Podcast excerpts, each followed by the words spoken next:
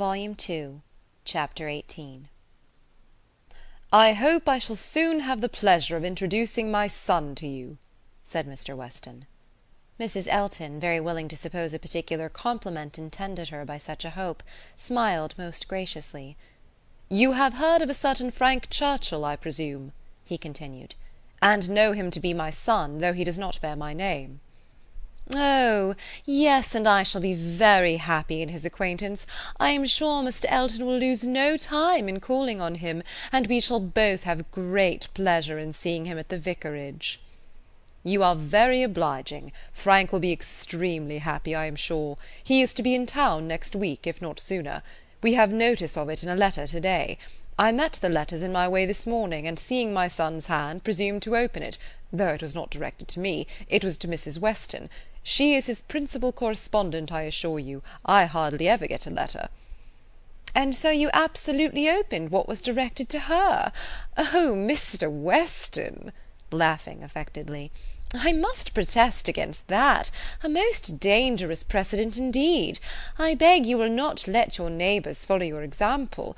Upon my word, if this is what I am to expect, we married women must begin to exert ourselves. Oh, Mr. Weston, I could not have believed it of you." "Ay, we men are sad fellows. You must take care of yourself, Mrs. Elton. This letter tells us it is a short letter, written in a hurry, merely to give us notice it tells us that they are all coming up to town directly on Mrs. Churchill's account.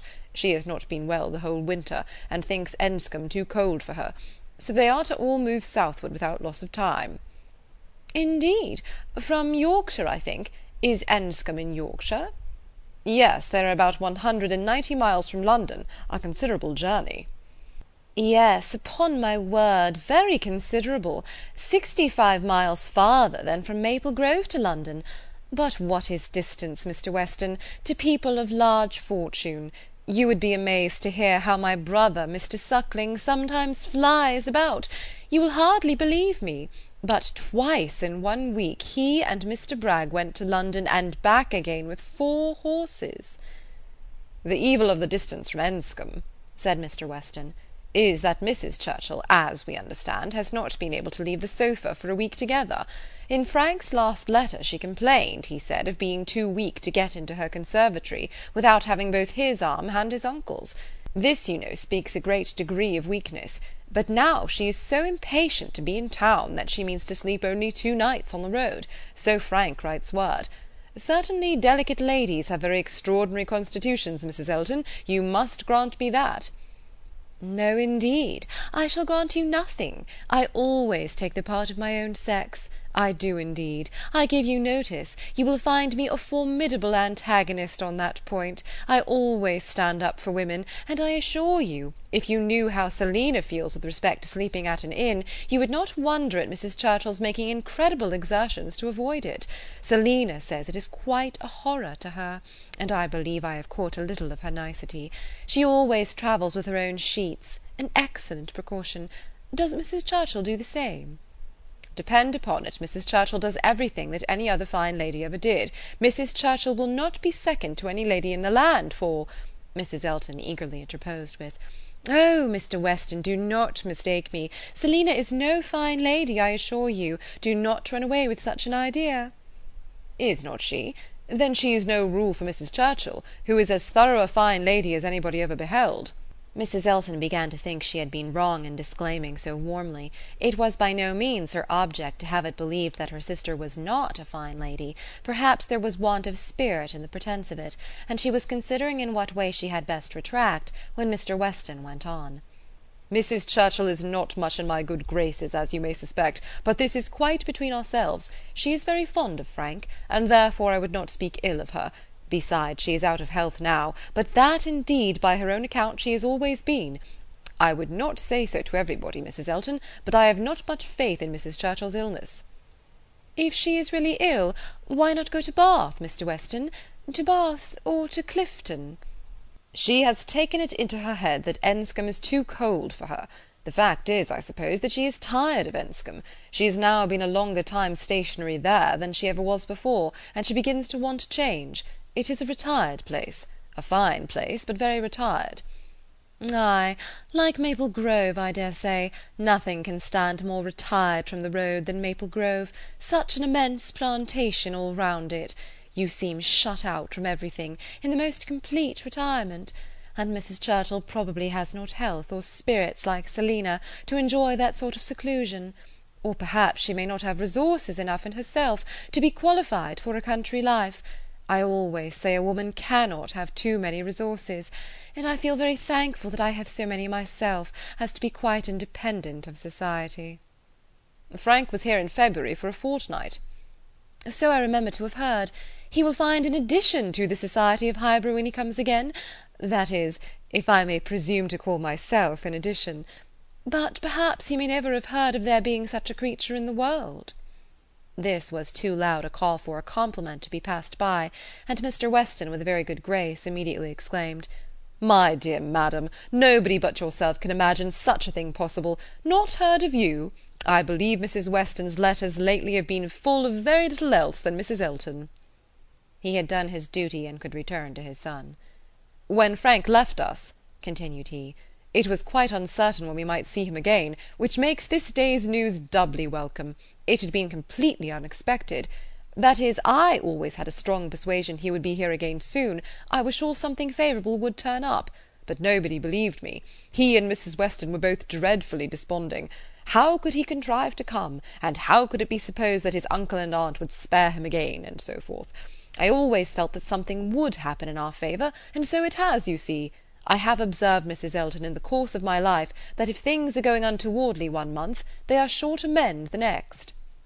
"Very true, Mr. Weston, perfectly true. It is just what I used to say to a certain gentleman in company in the days of courtship, when, because things did not go quite right, did not proceed with all the rapidity which suited his feelings, he was apt to be in despair, and exclaim that he was sure at this rate it would be May before Hymen's saffron robe would be put on for us. Oh, the pains I have been at to dispel these gloomy ideas, and give him cheerfuller views! The carriage, we had disappointments about the carriage; one morning, I remember, he came to me quite in despair." She was stopped by a slight fit of coughing, and Mr. Weston instantly seized the opportunity of going on.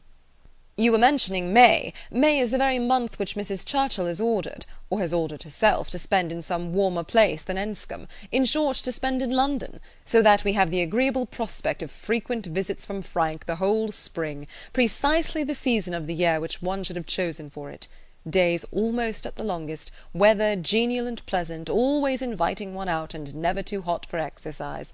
When he was here before, we made the best of it; but there was a good deal of wet, damp, cheerless weather; there always is in February, you know, and we could not do half that we intended.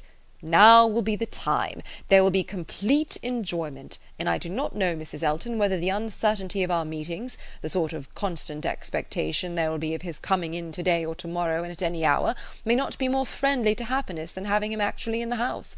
I think it is so; I think it is the state of mind which gives most spirit and delight. I hope you will be pleased with my son; but you must not expect a prodigy. He is generally thought a fine young man, but do not expect a prodigy. Mrs. Weston's partiality for him is very great, and, as you may suppose, most gratifying to me; she thinks nobody equal to him." "And I assure you, Mr. Weston, I have very little doubt that my opinion will be decidedly in his favour. I have heard so much in praise of Mr. Frank Churchill.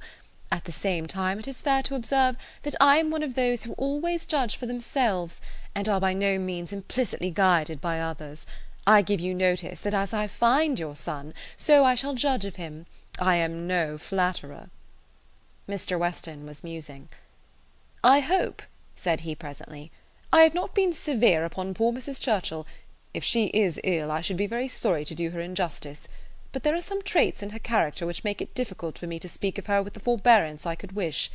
You cannot be ignorant, Mrs. Elton, of my connection with the family, nor of the treatment I have met with; and between ourselves, the whole blame of it is to be laid to her. She was the instigator. Frank's mother would never have been slighted as she was, but for her. Mr. Churchill has pride, but his pride is nothing to his wife's. His is a quiet, indolent, gentlemanlike sort of pride, that would harm nobody, and only make himself a little helpless and tiresome; but her pride is arrogance and insolence; and what inclines one less to bear, she has no fair pretence of family or blood. She was nobody when he married her, barely the daughter of a gentleman; but ever since her being turned into a Churchill, she has out Churchilled them all in high and mighty claims. But in herself, I assure you, she is an upstart." "Only think! Well, that must be infinitely provoking. I have quite a horror of upstarts.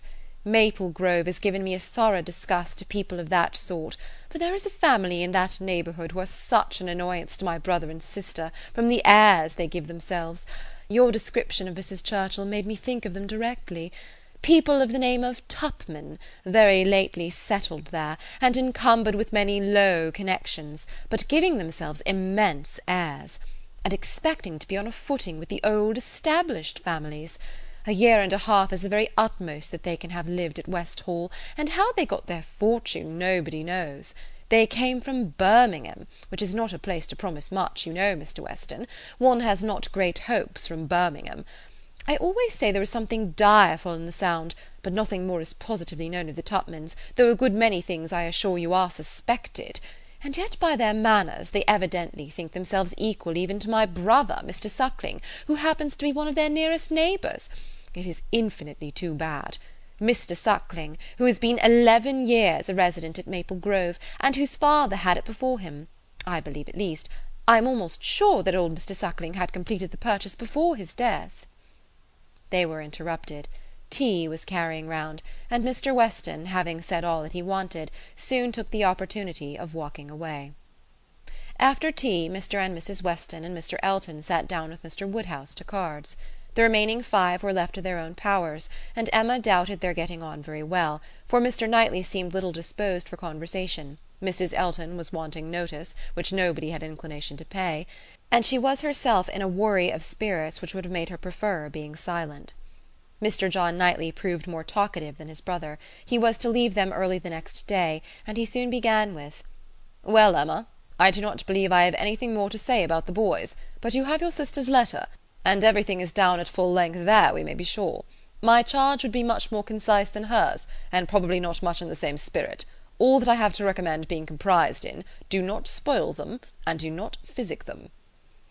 "I rather hope to satisfy you both," said Emma, "for I shall do all in my power to make them happy, which will be enough for Isabella, and happiness must preclude false indulgence and physic." "And if you find them troublesome, you must send them home again." "That is very likely. You think so, do not you?"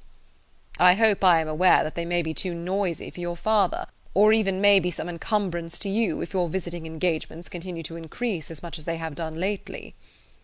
"Increase?" "Certainly. You must be sensible that the last half year has made a great difference in your way of life." "Difference? No, indeed, I am not. There can be no doubt of your being much more engaged with company than you used to be. Witness this very time. Here am I come down for one day only, and you are engaged with a dinner party. When did it happen before, or anything like it? Your neighbourhood is increasing, and you mix more with it. A little while ago, every letter to Isabella brought an account of fresh gaieties, dinners at Mr. Cole's, or balls at the Crown. The difference which Randalls, Randalls alone, makes in your goings on is very great." "Yes said his brother quickly. "It is Randalls that does it all. Very well, and as Randalls, I suppose, is not likely to have less influence than heretofore, it strikes me as a possible thing, Emma, that Henry and John may be sometimes in the way; and if they are, I only beg you to send them home." "No," cried Mr. Knightley, "that need not be the consequence. Let them be sent to Donwell. I shall certainly be at leisure." "Upon my word," exclaimed Emma, "you amuse me. I should like to know how many of all my numerous engagements take place without your being of the party, and why I am to be supposed in danger of wanting leisure to attend to the little boys. These amazing engagements of mine, what have they been? Dining once with the Coles, and having a ball talked of, which never took place.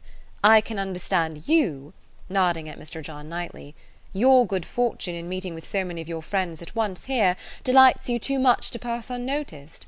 But you," turning to Mr. Knightley, "who know how very, very seldom I am ever two hours from Hartfield, why you should foresee such a series of dissipation for me, I cannot imagine; and as to my dear little boys, I must say that if Aunt Emma has not time for them, I do not think they would fare much better with uncle Knightley, who is absent from home about five hours where she is absent one; and who, when he is at home, is either reading to himself or settling his accounts." Mr. Knightley seemed to be trying not to smile, and succeeding without difficulty upon Mrs. Elton's beginning to talk to him.